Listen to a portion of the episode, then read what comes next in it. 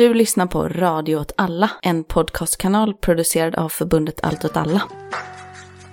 Du lyssnar på Stundens hetta. I Stundens hetta diskuterar vi aktuella händelser och situationer som berör oss alla på samhälls och individnivå.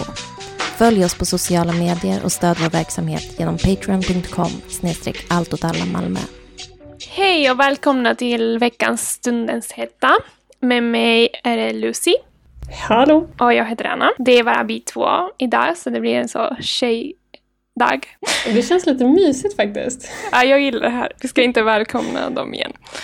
Nej. Det blir också en covid-avsnitt kan man säga. Vi ska prata om det här roliga ämnet som alla pratar om. Det känns som att vi har undvikit att prata om corona i ganska många avsnitt. Att det känns som att det kanske är dags nu. Jo, lite faktiskt. Jag känner mig lite mer hoppfull nu för att Italien börjar öppna upp. Och jag bor i Milano nu för tiden. Det är lite roligt för att de har en strategi nu som är att allt ska ske utomhus. Restauranger kommer öppna även på middagar. Och det kommer vara med bord utomhus och typ också kulturarrangemang och så vidare. Och det känns lite peppigt, den här utomhusframtid. Gud vad härligt. Jag har ju länge, för er som har lyssnat på podden länge, vet att jag har inte riktigt förstått tidningen Business Insider. Jag tänkte att det där är någon torr ekonomitidning som jag är totalt ointresserad av. Men i veckan hände det. Jag gick in på Business Insider och upptäckte det är en jättebra tidning det här. ehm, och där hittade jag en ganska intressant artikel som beskrev vaccinationssituationen i USA. Och det är så att de börjar närma sig ett vaccinstopp. Och det är inte att de har slut på vaccin, utan det är att de snart har vaccinerat alla som vill ha vaccin. Och de beräknas liksom nå den här piken av att det finns inga fler att vaccinera, det finns inget utbud om redan två till fyra veckor. Men vissa stater i USA har redan nått den här piken. Problemet är ju många, men framförallt att de är långt ifrån att nå de 70% som de behöver för att nå så kallad flockimmunitet. Och det här var ju någonting som pratades om ganska mycket i Sverige när pandemin tog fart, att vi skulle bli sjuka så att vi kunde uppnå flockimmunitet. Det gick inte så bra. Men det är fortfarande någonting som är eftersträvansvärt med vaccinationen, att om 70% är vaccinerade så ska viruset inte kunna spridas lika mycket. Vilken procent är vaccinerad nu? Just nu så är det 51,5 av alla vuxna mm. Eh, och det vill säga alla personer över 18 år som har fått minst sin första dos. Mm. Men det som händer då är att vaccinkliniker nu börjar stänga för att det inte finns någon efterfrågan i stater som till exempel Florida, Georgia, North Carolina, Wisconsin med mera. Men för att jobba liksom för att fler ska vaccinera sig så har Biden i veckan gått ut och bett arbetsgivare att ge sina anställda betald arbetstid för att kunna vaccinera sig och återhämta sig sen från eventuella bieffekter. Och Vita huset har inlett en kampanj på forumet Snapchat för att uppmuntra unga att vaccinera sig. Och samtidigt som folk inte vill vaccinera sig i USA, som ändå får anses vara ett höginkomstland, så har Greta Thunberg i veckan gått ut och sagt att hon ska donera 100 000 euro, det är väl ungefär en miljon svenska kronor, för att låginkomstländer ska få samma rätt till vaccin. Och grunden bakom detta är att det är en väldigt stor vaccinojämlikhet i världen. Där en av fyra i höginkomstländer har fått vaccin idag, men endast en av 500 i låginkomstländer har fått vaccinet. Mm. Och jag börjar fundera lite efter att jag läste den här på varför bara 50% av alla amerikaner vill vaccinera sig. Och jag tänker att dels så finns det en uppenbar anledning och det är en ganska stor antivaccinrörelse. Men det kan ju inte vara allt. Det kan ju inte vara resterande 50% som en del av antivaxrörelsen. Och jag tänka lite på en väldigt bra bok som jag läste ganska nyligen som är Nancy Frasers bok Det gamla dör och det nya kan inte födas. Har man läst den så vet man att USA är ett land som präglas av nyliberalism. Och det gör ju många länder. Men i denna korta och fantastiska bok så driver Fraser tesen att amerikanare inte får något annat alternativ att välja på än två olika former av nyliberalism inom politiken. Och för mig känns det liksom lite som hela grejen att inte vilja ta ett vaccin som nyliberalismens essens. Att mm. jag behöver inte göra något som någon annan säger åt mig eller att jag personligen kommer inte bli så sjuk i corona och därför vill jag inte vaccinera mig. Istället för att se det som en solidarisk handling. Mm. För att samtidigt som den här jättestora delen av USAs befolkning inte vill ta vaccin så kom det också ganska många rapporter i veckan från New Delhi om att syrgaset, eller att syrgas på sjukhus har tagit slut till följd av fler svårt sjuka covid-patienter än vad de mäktar med. Jag tänker också att det, det finns någonting som också har att göra med neoliberalismen. Om att vi har inga kollektiva projekt. Jag har varit lite förvånad att också stater har inte lyckats göra vaccinationsprogrammet till ett, ett slags kollektivt projekt. Om att säga okej, okay, nu, nu kör vi, nu gör vi det här tillsammans. Alltså inte bara som en solidarisk handling utan också som någonting som vi gör som, som samhälle och inte som en individuellt beslut av jag vaccinerar mig för att hjälpa andra, för att hjälpa mig själv, vad som helst. Utan se det som ett projekt för ett samhälle. Att Mm. komma över den här krisen och allt som har tagit med sig. Så det är lite... Det gör mig lite ledsen liksom. Att inte ens eh, någonting som det här kan bli en slags kollektivt projekt.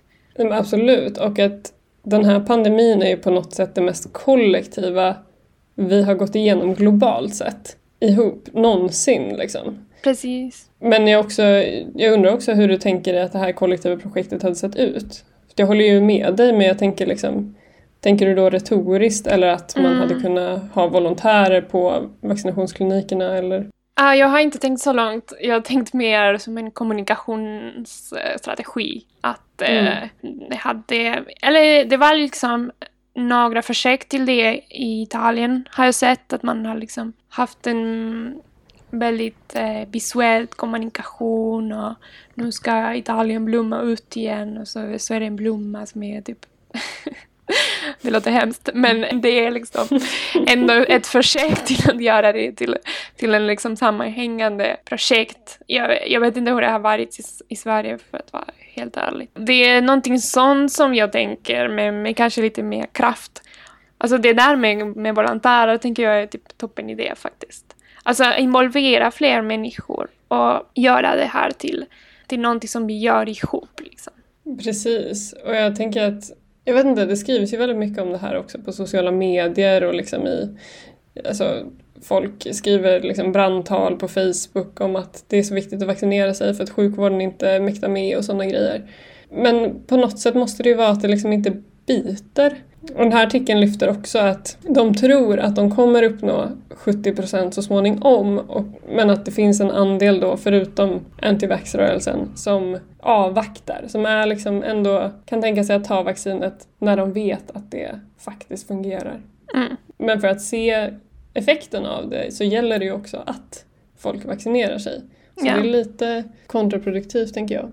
Nu finns det också lite andra exempel. Alltså, mm, Israel har ju vaccinerat ganska brett. Det här delen om att palestinier har inte vaccinerat. Men jag menar om man vill se liksom det forskningsmässigt om en vaccinering funkar så finns det det exempel. Mm. Alltså jag tänker att det är liksom... Det jag menar också med, här, med det kollektiva projektet är att jo, det, det är delvis att stater har inte gjort det till det, har inte haft en likad strategi på det sättet. Men också som du säger att människor inte tror på kollektiva projekt på samma sätt som man gjorde innan. Så eh, även kanske om man hade haft en bra liksom, eh, kommunikation och så vidare så är jag osäker om det hade funkat. Speciellt i ett land som USA. Jag tänker också att det beror på, liksom, eller att det på något sätt visar på en, en större global maktdynamik som vi kan se i många andra, eller i alla andra fall egentligen. Det här med hur proportionellt många som är vaccinerade i höginkomstländer och få i låginkomstländer. Mm. Och jag vet att Greta Thunberg också poängterade att det hänger väldigt tätt ihop med klimatkrisen. Och då för att ta ett exempel så har ju de flesta liksom klädindustri, vad ska man säga, märken. Klädindustrin som håller på mycket med ja, men till exempel fast fashion har ju sina fabriker i låginkomstländer och då syns heller inte utsläppen hos oss. Det påverkar miljön mycket mer. Liksom.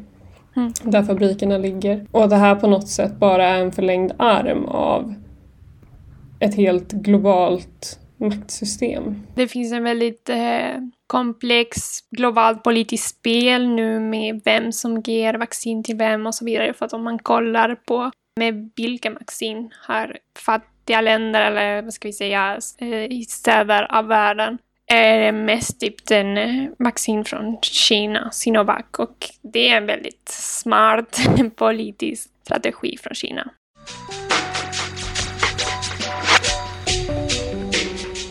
Jag har läst i veckan en rapport från Folkhälsomyndigheten som har som titel Åtgärder mot covid-19 bakom stor minskning av smittsamma sjukdomar. Och den går igenom hur eh, faktiskt väldigt olika sjukdomar från livsmedelsburna infektioner till sexuella överbrunna sjukdomar till också bara vintersjukan. Och så har minskat radikalt det här året. Även typ 70 procent i vissa fall. Och, eh, eller om man har gått tillbaka till eh, de eh, siffror som man hade i typ 2008, eh, 18, så, förlåt, där det var typ som minst. Så det, det, mm, det är intressant för att det är såklart kopplat till de åtgärder som man har tagit.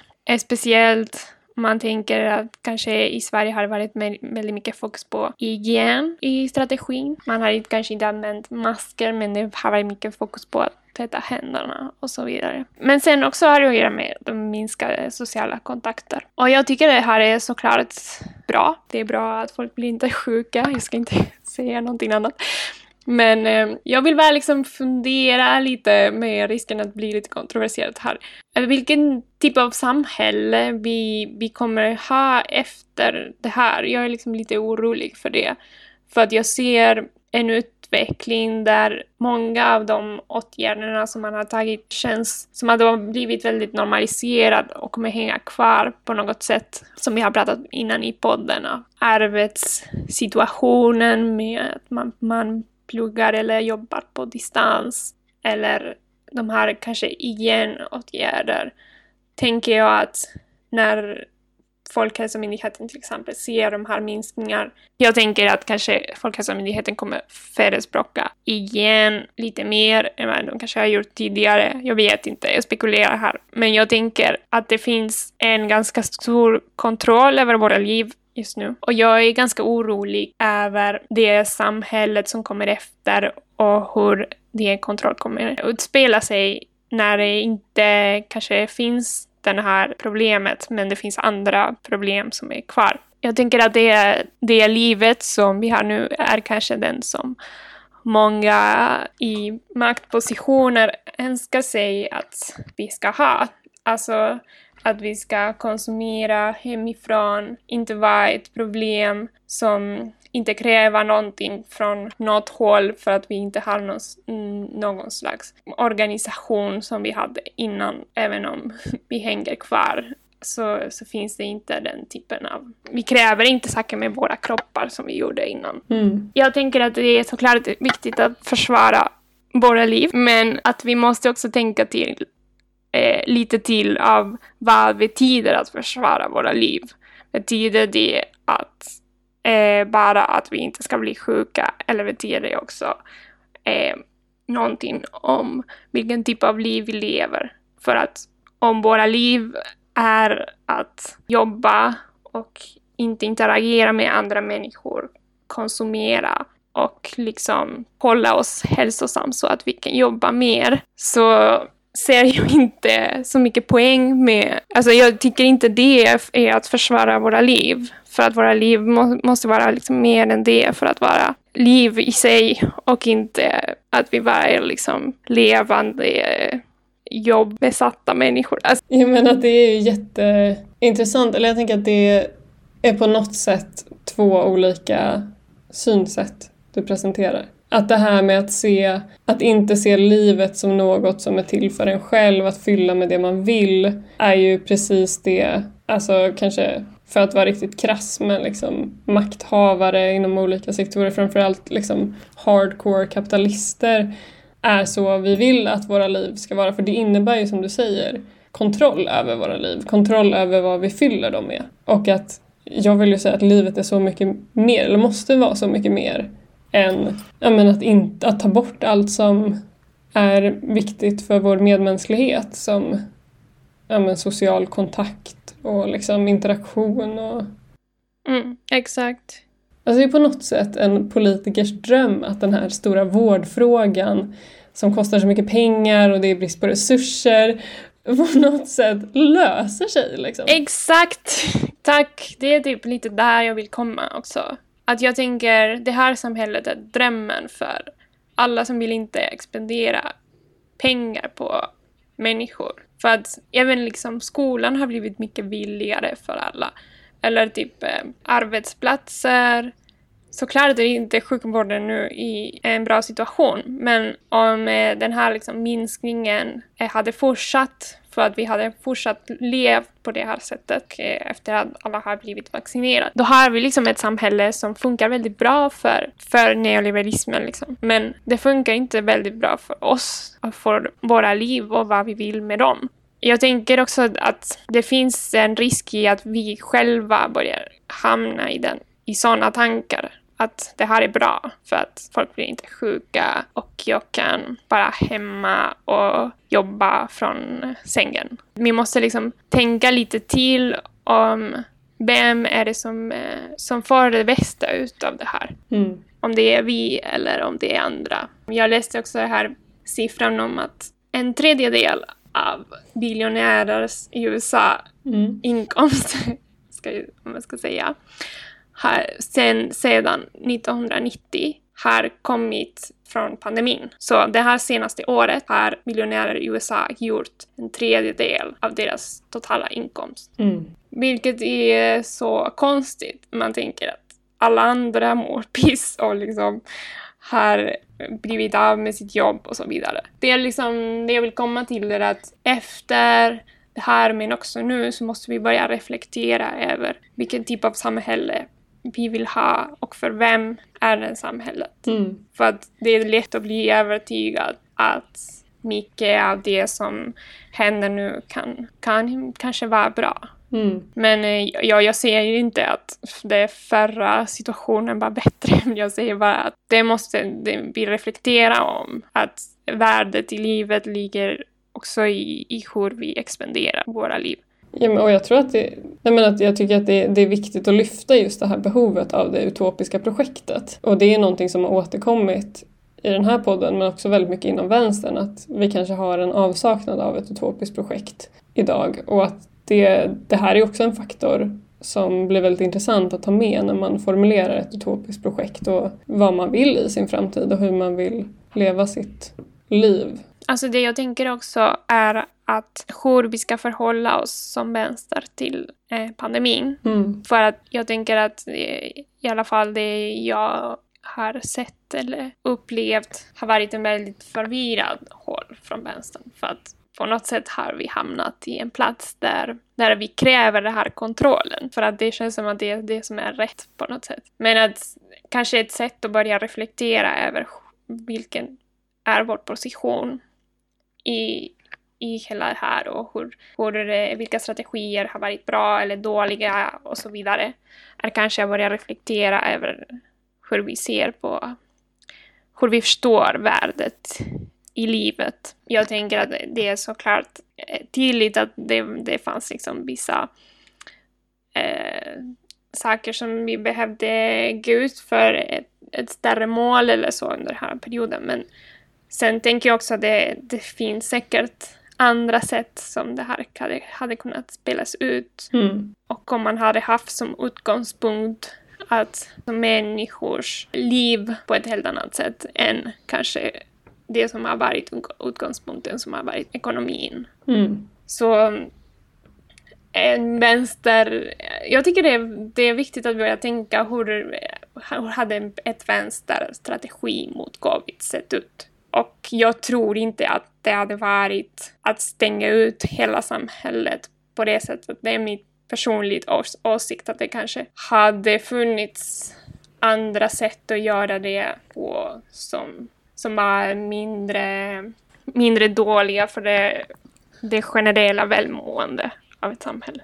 Mm. Men eh, jag vet inte. Det, men det, är- det är något som liksom, vi behöver diskutera, det det jag menar. Mm. För att vi hade liksom inte haft den chansen att, att säga hur vi hade velat ha det och hur vi hade kunnat fixa det här. Följ oss på sociala medier och stöd vår verksamhet genom patreon.com snedstreck allt åt alla Malmö.